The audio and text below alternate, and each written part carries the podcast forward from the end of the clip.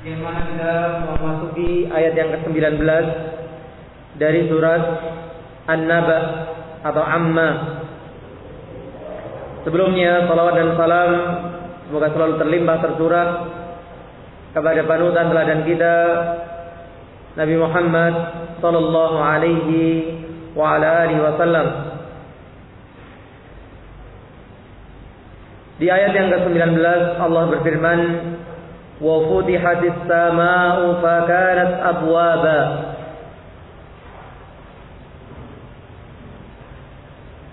Kita masih membicarakan tentang terjadinya hari kiamat. Di mana terakhir kita membicarakan ditiupkannya sangkakala. Kemudian apa yang terjadi berikutnya? Dan dibukalah langit. Maka terdapatlah beberapa pintu. Langit yang kita lihat saat ini tidak memiliki lubang dan celah sama sekali. Akan tetapi langit itu akan terbuka pada hari kiamat nanti. Selain itu Allah Subhanahu wa taala juga akan membukakan banyak pintu dari langit karena para malaikat akan turun pada hari tersebut. Seperti yang kita ketahui, malaikat penghuni langit sangatlah banyak. Berapa jumlah malaikat? Ada berapa? Sepuluh. Iya. Iya, yang ini yang diajarkan di sekolah-sekolah. Ada ya? Malaikat ada sepuluh. Padahal malaikat itu dalam satu hadis Nabi SAW berkata, Inni ara ma la taraun. Sesungguhnya aku melihat apa yang kalian tidak lihat. Wa asma'u ma la tasma'un. Dan aku mendengar apa yang kalian tidak mendengarnya. Sama'u wa haqqa laha an ta'itta. Langit terasa berat dan pantas bagi langit untuk terasa berat. Ma fiha mawdhi'u arba'i asabi'a illa 'alaihi malakun sajidun. Tidak ada satu tempat seukuran empat jari jadi di langit sana setiap empat jari, setiap jarak empat jari apa isinya? Kecuali ada malaikat yang sujud di atasnya. Berarti berapa jumlah malaikat? Hmm? Kita perlu tahu dulu berapa luasnya langit. Kemudian kita ukur setiap empat jari ada malaikat sedang sujud. Berapa luasnya langit? Berapa luasnya langit? Berapa? Wallahu a'lam. Berarti berapa jumlahnya malaikat? Wallahu a'lam. Kata atitun pada asalnya bermakna suara yang keluar dari rahil atau pelana unta yang terbuat dari kayu ketika diduduki oleh penunggang unta. Kata itu juga berarti suara rintihan unta saat dibani barang atau bawaan yang sangat berat. Jadi atib, atatit sama itu sebenarnya apa? Langit itu bersuara karena apa? Terlalu berat beban yang dipikul. Kenapa? Karena begitu banyaknya malaikat yang menghuni langit. Maksud hadis ini atau tersebut sebenarnya adalah langit seakan-akan merasa berat karena banyaknya malaikat yang menempati langit. Maka pada hari kiamat kelak langit-langit itu akan terbelah dan terbuka menjadi seperti pintu-pintu. Lalu para malaikat itu pun turun Hal itu sebagaimana firman Allah di surat Al-Furqan ayat 25, wa yawma tashaqqaqus sama'u bil ghamami wa nuzzilal malaikatu tanzila. Dan ingatlah hari ketika langit pecah belah. Dan tidak terbayangkan bagaimana itu langit terpecah. Ada ya mengeluarkan kabut putih dan diturunkanlah malaikat bergelombang-gelombang. Pendapat yang lain menyatakan bahwa langit-langit pada hari kiamat akan terbelah seperti potongan kayu pintu. Jadi langit akan pecah seperti apa? Ketika pintu itu dipecah. Terbelah menjadi beberapa bagian.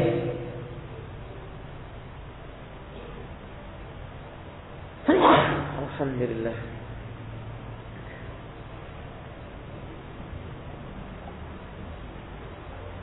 Kemudian Allah mengatakan wasuyiratil jibalu fakanat saraba. Suaranya jelas ibu-ibu?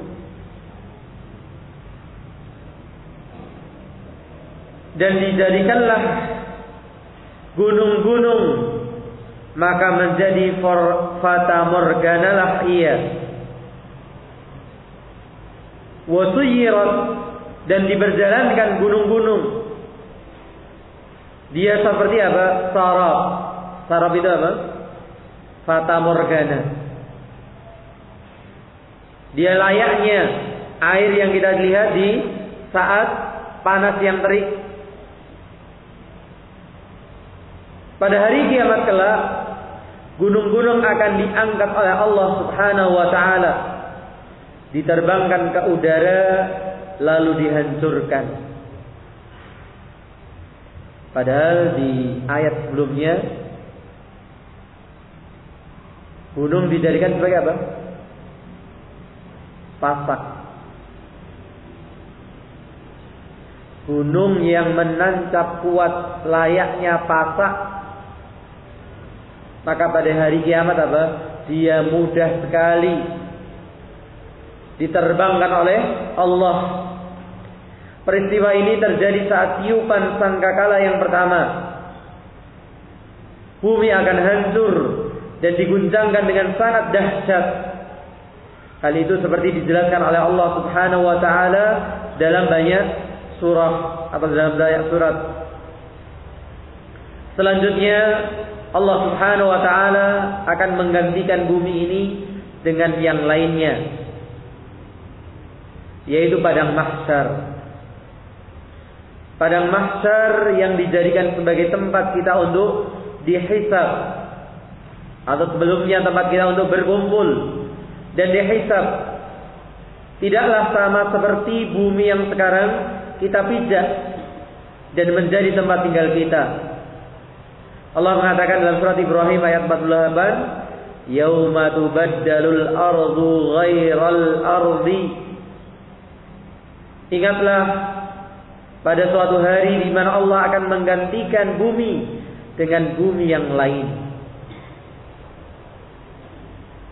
Jadi bumi sekarang yang kita masih mendapati apa? Bangunan, pepohonan, tempat untuk berteduh, maka akan diganti padang mahsyar.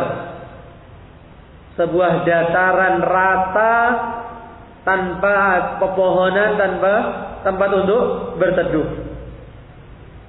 Bumi yang akan kita pijak di padang mahsyar nanti berbentuk dataran. Tidak ada gunung tidak ada lembah. Semua gunung dihancurkan oleh Allah Subhanahu wa taala.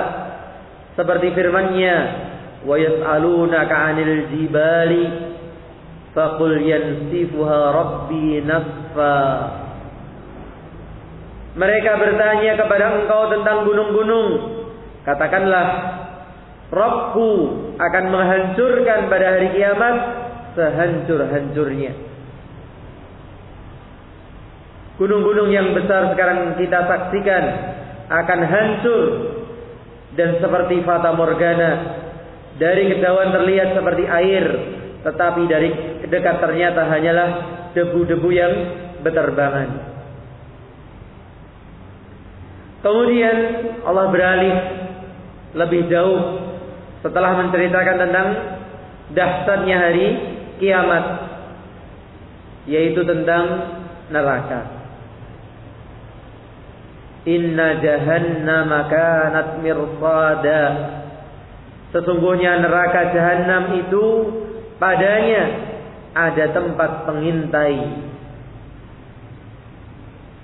Setelah Allah Subhanahu wa taala menyebutkan dahsyatnya hari kiamat, Allah Subhanahu wa taala menyebutkan pembahasan selanjutnya tentang neraka jahanam.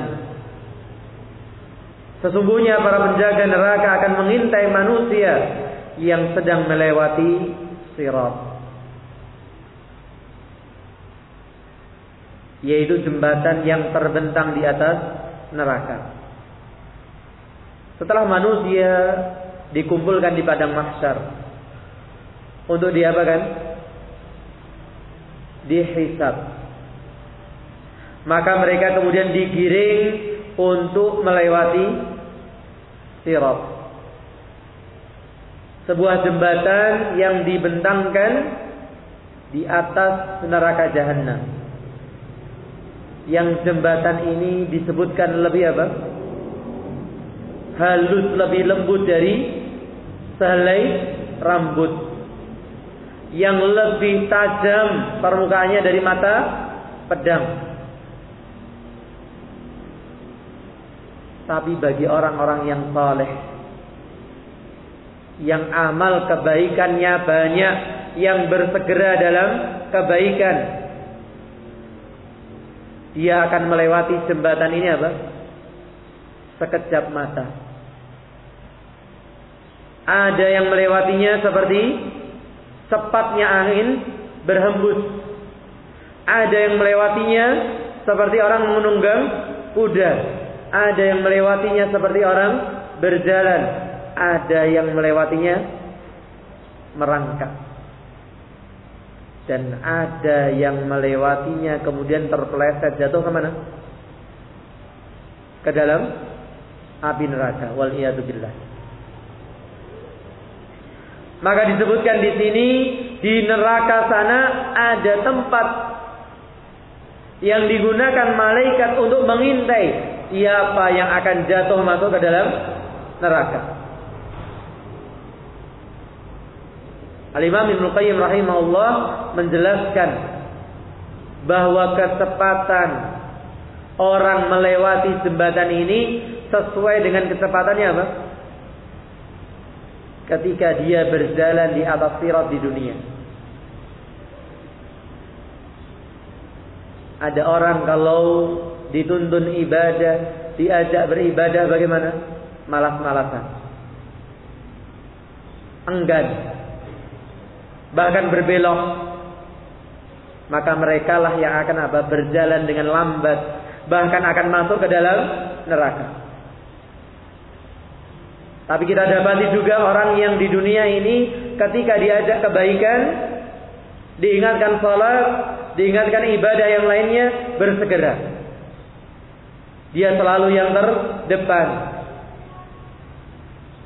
Maka mereka mereka yang akan apa masuk ke dalam surga dengan segera.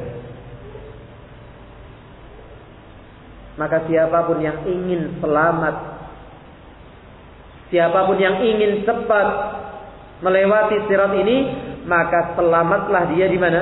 Di dunia ini. Selamat caranya bagaimana?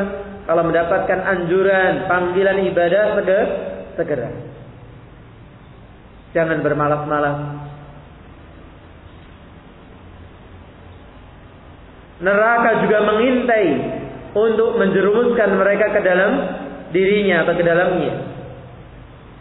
Allah Subhanahu wa taala berfirman di surat An-Naba berikutnya, "Littaghina ma'aba." Lagi menjadi tempat kembali bagi orang-orang yang melampaui batas. Neraka yang siap mengintai setiap kita. Tahu bahwa dia adalah tempatnya siapa? Orang yang melampaui batas. Allah telah memberikan aturan terbaik agar kita hidup bahagia di mana? Dunia dan akhirat. Ingat aturan yang Allah berikan ini bukan hanya untuk aturan akhirat. Sejak kita di dunia. Kalau kita ingin hidup apa? Nyaman, tentram, bahagia. Maka satu-satunya pilihan adalah mengikuti, mengikuti aturan Allah Subhanahu wa taala. Kalau tidak, sejak di dunia kita akan susah. Apalagi di mana? Di akhirat kelak. Yang menunggu adalah apa? Neraka jahanam. Ini inilah ancaman bagi orang-orang musyrikin, orang-orang kafir, serta orang-orang yang melakukan kezaliman yang melewati batas di muka bumi ini. Mereka lah yang diintai dan ditunggu oleh neraka jahanam. Dan ketika mereka sudah masuk ke dalam neraka jahanam, apa yang akan terjadi? Labithina fiha ahqaba. Mereka tinggal di dalam neraka tadi apa? Berabad-abad lamanya. Bahkan bisa jadi kalau mereka adalah orang-orang kafir tinggal di dalamnya apa? Selama lamanya. Khalidina fiha abada. Ada perbedaan pandangan di antara para ulama, ulama tafsir maksudnya tentang makna ahqaba. Ahqaba yang merupakan bentuk jamak dari huk hukubun. Sebagian salah menafsirkan hukub dengan 70 tahun. Ada yang mengatakan 80 tahun dan ada yang mengatakan 300 tahun. Pendapat-pendapat tersebut didasari dengan perhitungan setiap hari seperti seribu tahun di dunia satu harinya akhirat setara dengan apa? Seribu tahunnya dunia. Makanya ada yang menghitung kalau kita hidup 60 tahun, kita ini cuma apa? Hidup satu setengah jam. Satu setengah jamnya akhirat. Jadi kita di dunia dan ini yang kita rasakan. Apalagi semakin ke sini. Hari berlalu dengan cepat. Ya. Kita perhatikan, kita serasa baru kemarin ketemu, duduk membahas ayat-ayat yang kemarin. Ini sudah hari Rabu lagi. Satu pekan serasa apa? Sekejap saja sekarang ini. Oleh sebab itu ulama yang berpendapat bahwa al-hukbu adalah 70 tahun menghitungnya dengan mengartikan bahwa setiap tahunnya ada 12 bulan. Lalu setiap bulannya 30 hari dan setiap harinya seribu tahun. Maka satu hukuk ada seribu tahun kali 30 hari kali 12 bulan kali 70 tahun sehingga hasilnya sama dengan 25 juta tahun seperti ukuran tahun di dunia. Sementara itu pendapat yang mengatakan satu hukum adalah 300 tahun tentu lebih banyak lagi perhitungannya. Masya Allah. Kalau satu hukum 70 tahun maka silahkan dihitung. Kalau di sana itu hanya apa? Satu hukum itu satu tahun itu setara dengan 25 juta tahun dunia. Nah, kalau dikatakan satu hukum berapa? 300 tahun. Nah, maka luar biasa. Betapa panjangnya orang akan tinggal di neraka. Waliyatubillah. Dalam ayat ini Allah Subhanahu wa taala tidak mengatakan satu al-hukum tetapi menyatakan dengan lafaz jamak ahqaba. Bahkan Allah tidak menyatakan apa hanya satu hukum. Penghuni neraka akan menghuni neraka berapa? Banyak hukum ahqab dengan bentuk jamak. Artinya artinya adalah orang-orang yang berbuat maksiat dan melampaui batas akan tinggal di neraka jahanam dalam waktu yang sangat lama.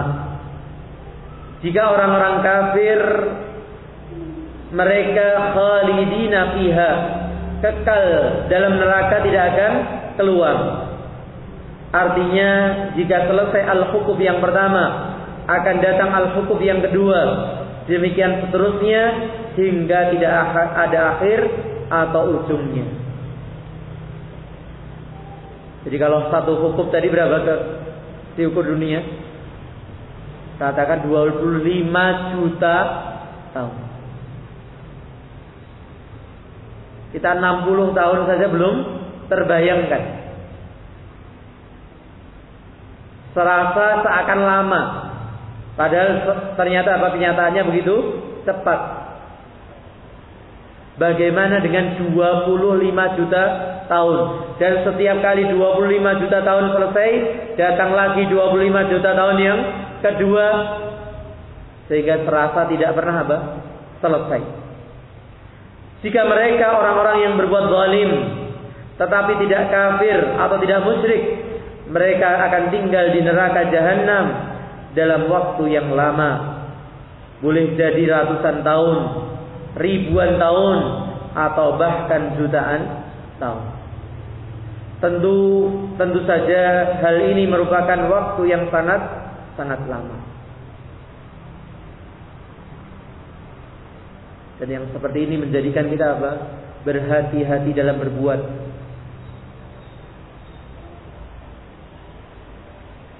Ternyata ketika orang harus masuk neraka Jangan diremehkan. Yang penting akan keluar selama saya?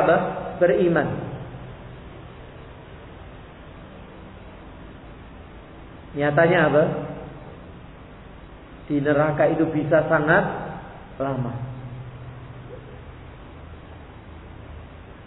Kalau di dunia saja yang masih agak nyaman, masih cukup nyaman.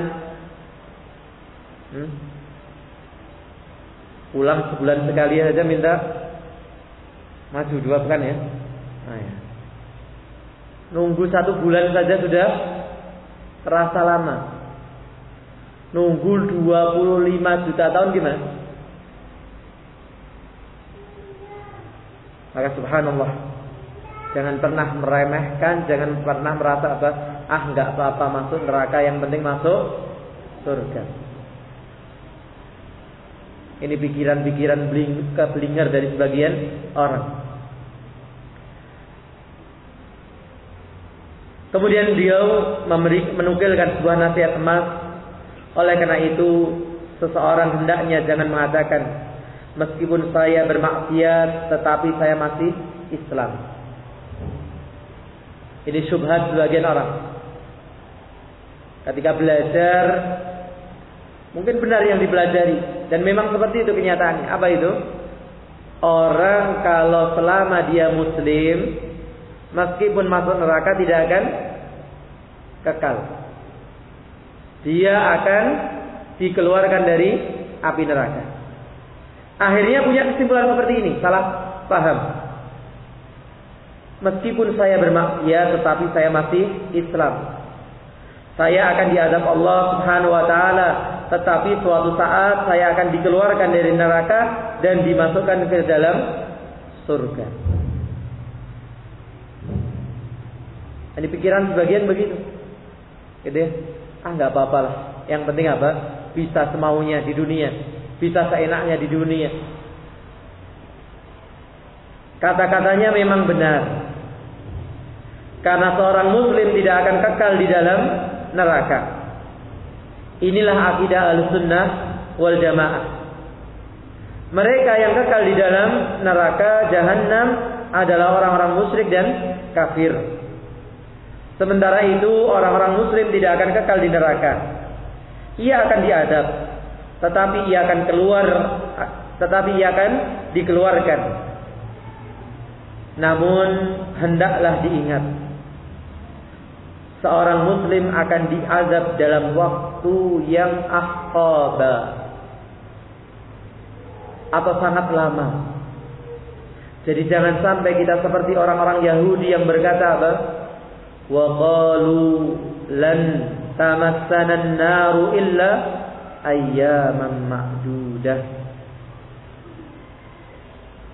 Orang-orang Yahudi menganggap punya perkataan kami sekali-kali tidak akan disentuh oleh api neraka kecuali selama beberapa hari saja. Jangan punya anggapan di neraka itu cuman sebentar. Qul attakhadtum 'indallahi 'ahdan falan yukhlifallahu 'ahdah.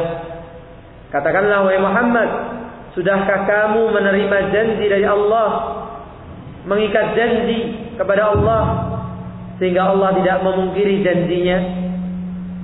Am taquluna 'ala Allahi ma la ta'lamun. Ataukah kamu hanya mengatakan terhadap Allah apa yang tidak kamu ketahui? Bala man kasaba sayyi'atan wa ahatat bihi khati'atuhu faulaika ashabun nari hum fiha khalidun. Bukan demikian. Yang benar. Barang siapa berbuat dosa dan ia telah diliputi oleh dosanya, mereka itulah penghuni neraka, mereka kekal di dalamnya. Waliyadzubillah. Demikian pula firman Allah di surat Ali Imran, "Alam tara ila alladziina utu nasiban minal kitabi yud'auna ila kitabillahi liyahkuma bainahum, thumma yatawalla fariqun minhum wa hum mu'ridun." Tidaklah apa tidakkah kamu memperhatikan orang-orang yang telah diberi bagian yaitu Alkitab, kitab Taurat, mereka diseru kepada kitabullah supaya kitab itu menetapkan hukum di antara mereka. Kemudian sebagian dari mereka berpaling dan mereka selalu membelakangi berpaling dari apa? kebenaran. Zalika bi annahum qalu lan tamassana an-naru illa ayyaman ma'dudah.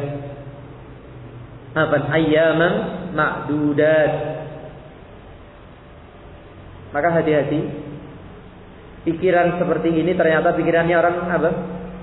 Yahudi. Tidak apa-apa masuk neraka wong sebentar. Pikirannya siapa itu? pikirannya orang Yahudi. Maka hati-hati dan ini menyebabkan orang apa? Bisa jadi kufur. Hal itu adalah karena mereka mengaku kami tidak akan disentuh oleh api neraka kecuali beberapa hari yang dapat dihitung.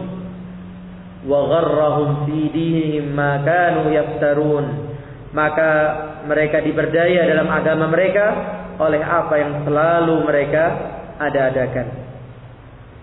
Seseorang yang masuk ke dalam neraka jahanam pasti akan sangat merasa kepedihan, merasakan kepedihan dalam waktu yang sangat lama.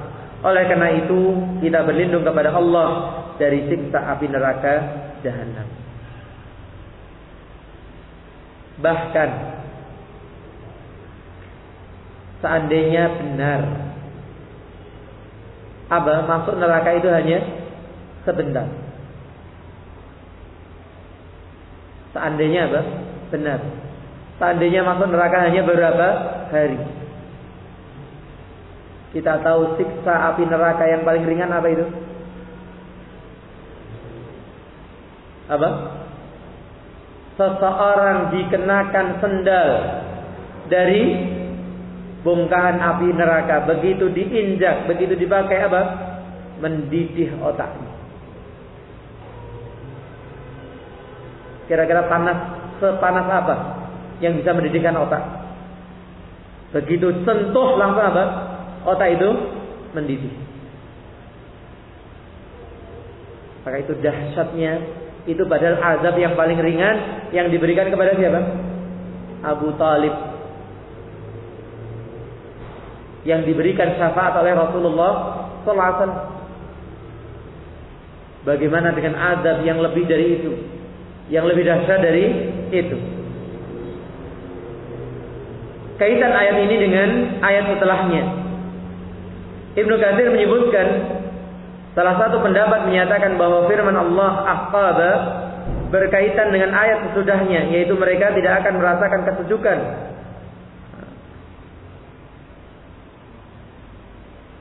dan tidak ada minum dalam neraka jahanam.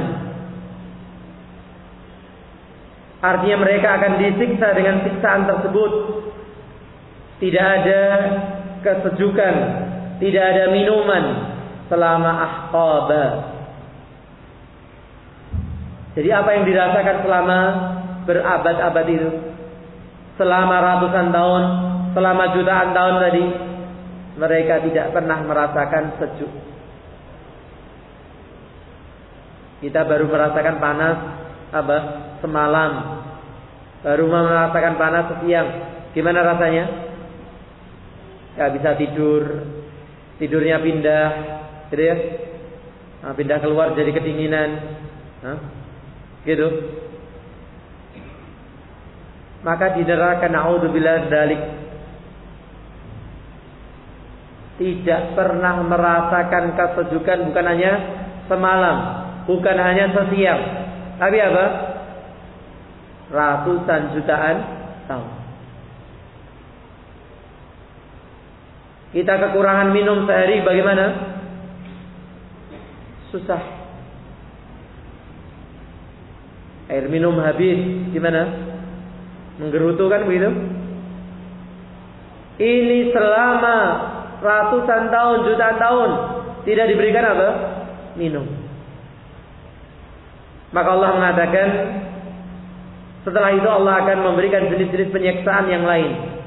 La yaduquna fiha bardan wala syaraba. Mereka tidak merasakan kesejukan di dalamnya yaitu di mana? Di neraka. Neraka tidak ada sejuk-sejuknya sama sekali. Panas dan tidak pula mendapat minuman. Sekarang panas yang katanya baru sampai berapa? 40-an derajat. Orang sudah ngeluh sana ngeluh sini gitu ya. Padahal neraka jauh lebih panas. 70 kali panasnya dunia. Allah Subhanahu wa taala kemudian menyebutkan para penghuni neraka jahanam. Di dalam neraka mereka hanya merasakan panas yang luar biasa. Bahkan tidak ada air minum yang dapat menghilangkan rasa haus mereka. Kita sekarang di dunia kalau kehausan, kepanasan tinggal apa? Bikin es gitu ya, seger, es buah, es teh gitu ya. Di neraka mau pesan siapa es tehnya? Hmm? Naudzubillah dalik. Bahkan tidak ada air minum yang dapat menghilangkan rasa haus nggak bisa. Kepanasan, kehausan dan tidak ada yang bisa diminum kecuali nanti apa? Air panas yang begitu didekatkan apa? Rontok daging wajah. Gak ada pilihan lain, tetap diminum, maka lambung pun apa? Hancur. Atau apa yang diminum? darah dan nanahnya penghuni neraka. Wal billah. Kita sekarang minum air putih, ada kotorannya sedikit aja sudah, kadang tidak selera. Sedangkan di neraka karena tidak ada pilihan lain. Yang ada hanya apa? Darah dan nanah. Nauzubillah dari maka setiap kali kita sholat sebelum salam, apa yang kita minta? Apa doanya sebelum salam?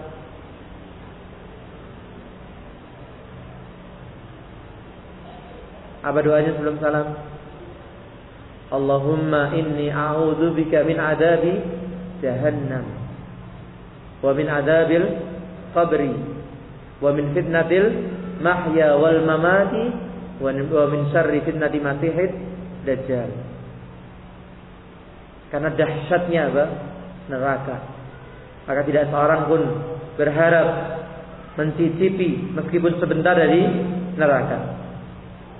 Ketika orang orang dikumpulkan di padang mahsyar, mereka menunggu pada hari yang sangat panjang, yaitu satu harinya sama seperti 50 ribu tahun. Nah di sini sering jadi pertanyaan. Tadi katanya satu harinya sama dengan apa? Seribu. Nah di sini satu harinya sama dengan 50 ribu. Mana yang benar? Seribu atau 50 ribu? Mana yang benar? Dua-duanya benar. Bahwa 50 ribu itu kapan? Ketika di padang mahsyar. Tapi ketika sudah selesai dari padang mahsyar, maka seharinya sama dengan seribu tahun dunia. Pada saat itu matahari hanya berjarak satu mil dari mereka.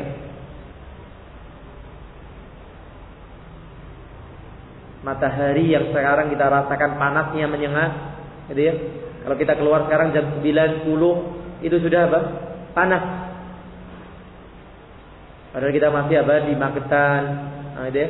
Apalagi kalau sudah di Madiun atau yang kota-kota apa yang panas. Padahal jarak matahari sekarang dari bumi berapa jarak matahari dari bumi?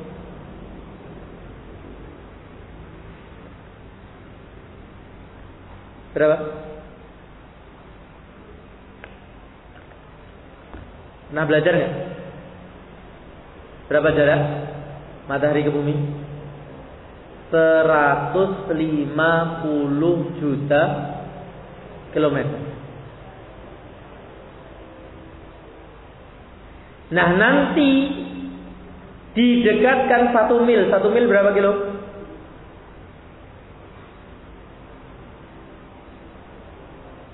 1,6 sekian. Berarti apa? Didekatkan 100 juta kali. Maka kalau logikanya berarti panasnya matahari juga apa? 100 kali juta lipat. 100 juta kali lipat. Kalau sekarang saja sudah keluar kepanasan. Bagaimana dengan apa? Ketika matahari tinggal satu mil. Maka semua orang pasti dalam kondisi kepanasan pada hari tersebut. Mereka merasa sangat haus dan sangat lapar. Para penghuni surga akan diberikan minuman dan banyak kelezatan di dalam surga. Panas, dahaga yang dirasakan di sejak di barang mahsyar kemudian diganti dengan apa? kenikmatan di surga. Bagi siapa? Yang menghuni surga. Tapi penghuni neraka sudah mereka kepanasan di mana? Di padang mahsyar, kehausan, kelaparan. Begitu masuk neraka, billah semakin panas. Dan tidak ada yang bisa apa? memuaskan mereka. Sementara itu penghuni neraka hanya mendapatkan rasa yang sangat lapar serta rasa yang sangat haus yang menambah penyiksaan mereka. Mereka tidak akan menemukan minuman dingin sama sekali kecuali panas yang luar biasa. Sebenarnya Allah menyediakan air untuk mereka. Ada yang disiapkan untuk mereka untuk minum. Apa itu? Illa hamiman wa ghassaqa selain air yang mendidih dan nanah.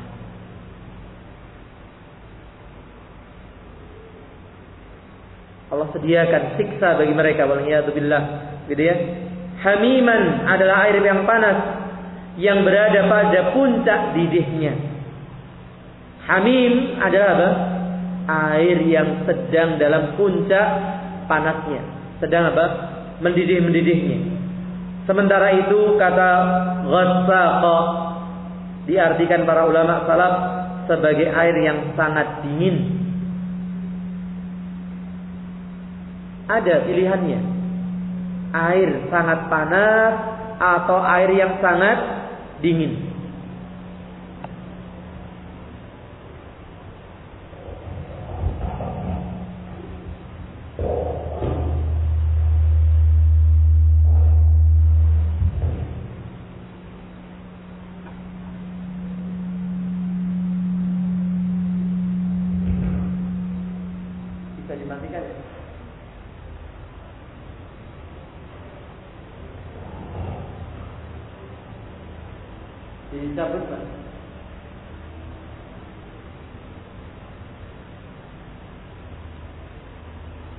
Akan tetapi air itu berasal dari apa?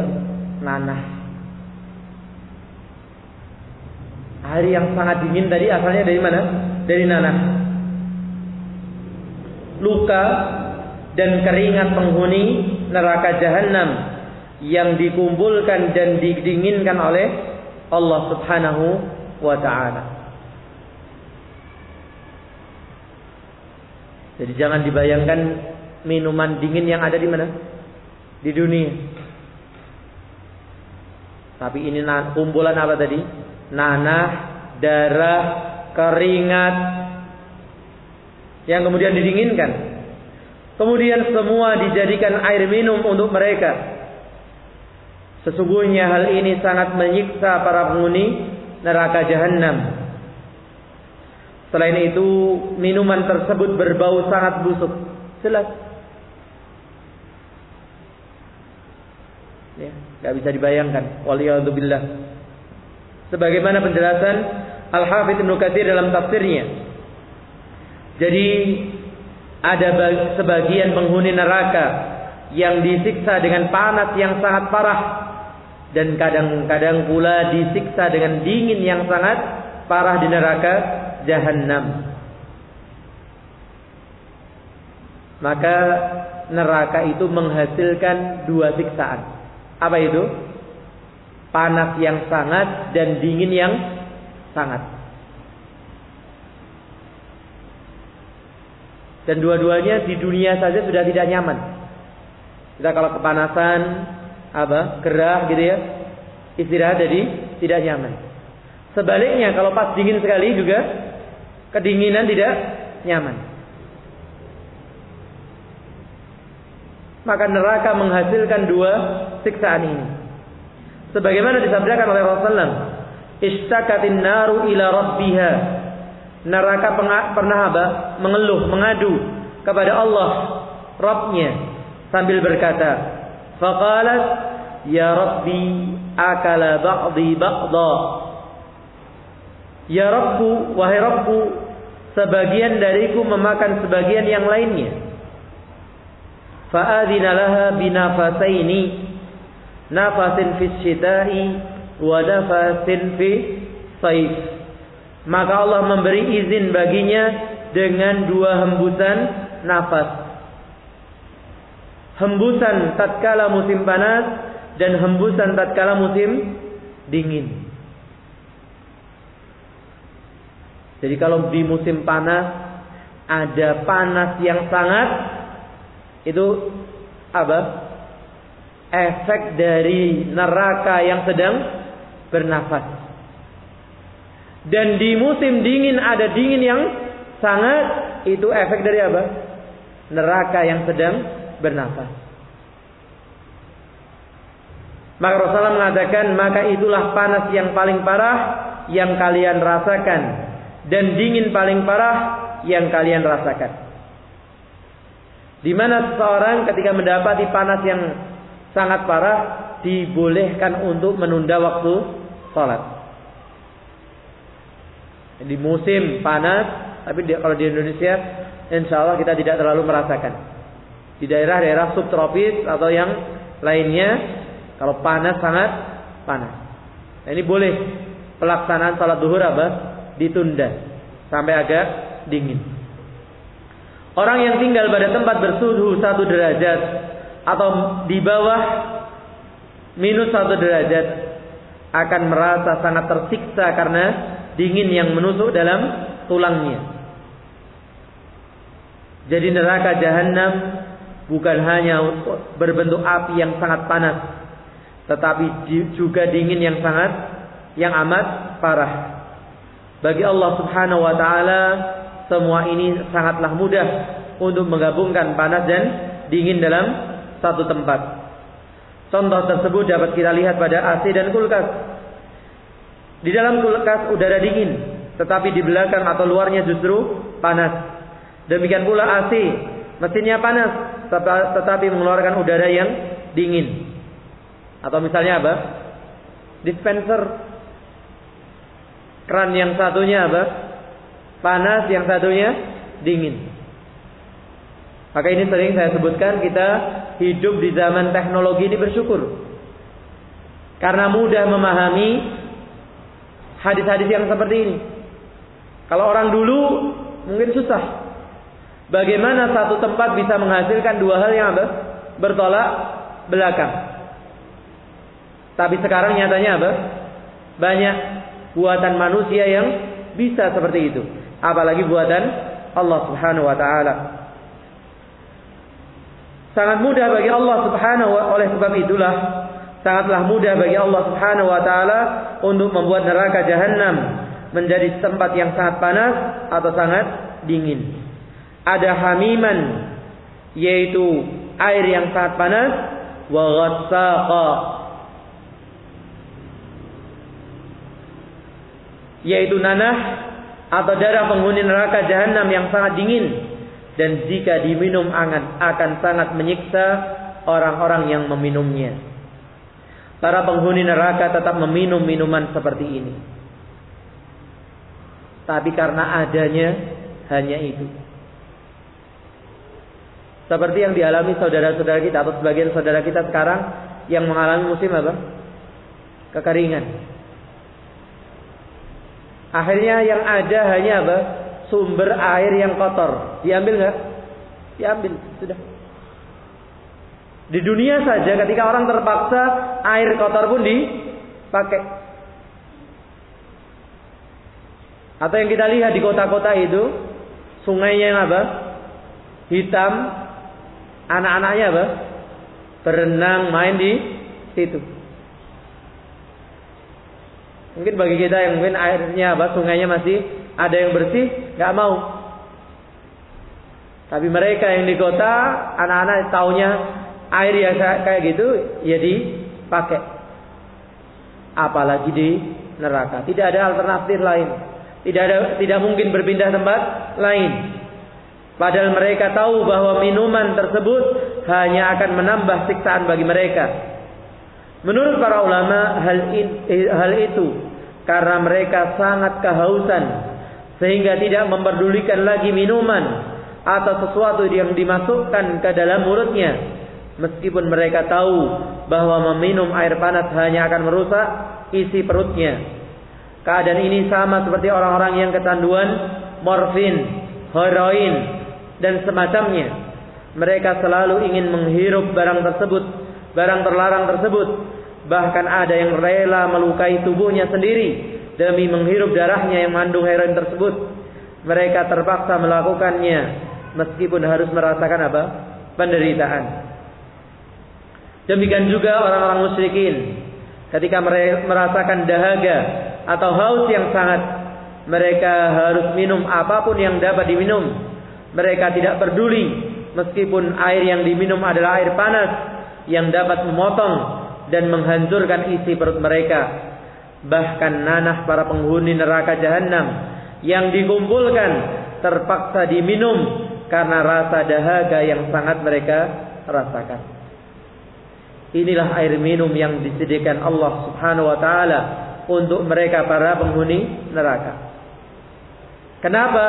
Allah jawab, jazaan wifaqa. Sebagai pembalasan yang setimpal. Karena durhakanya mereka dulu di dunia kepada Allah. Tidak mau mengikuti aturan aturan Allah. Melampaui batas melanggar apa yang sudah ditetapkan. Tidak peduli dengan aturan Maunya bebas. menuruti kemauannya sendiri, itu ya, merdeka. Maka ingat, semua ada balasannya. Semua adalah apa? Balasannya. Orang yang mengikuti aturan akan mendapatkan kebahagiaan. Bahkan tidak usah berbicara apa aturan Allah, aturan manusia. Di sekolahan ada aturan, di kampung ada aturan. Gitu ya. Kalau kita mengikuti aturan-aturan itu, kita hidup dengan apa? Nyaman, tentram. Kalau tidak, kita akan menanggung resikonya masing-masing. Apalagi ini aturan Allah. Maka mereka akan menanggung apa? Balasan yang mendapatkan balasan yang setimpal. Allah Subhanahu wa taala Maha Adil. Allah Subhanahu wa taala memberikan balasan karena keadilannya. Allah Subhanahu wa taala membalas sesuai dengan perbuatan mereka selama di dunia. Kerusakan dibalas dengan kerusakan, keburukan dibalas dengan keburukan. Jadi setiap balasan akan sesuai dengan perbuatannya wal billah. Iya. Sampai poin ini dulu kita baca.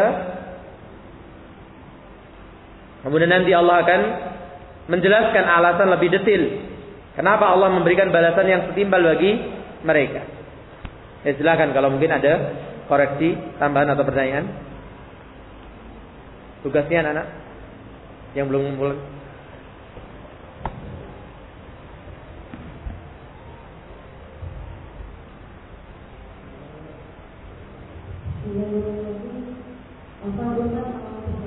Jadi,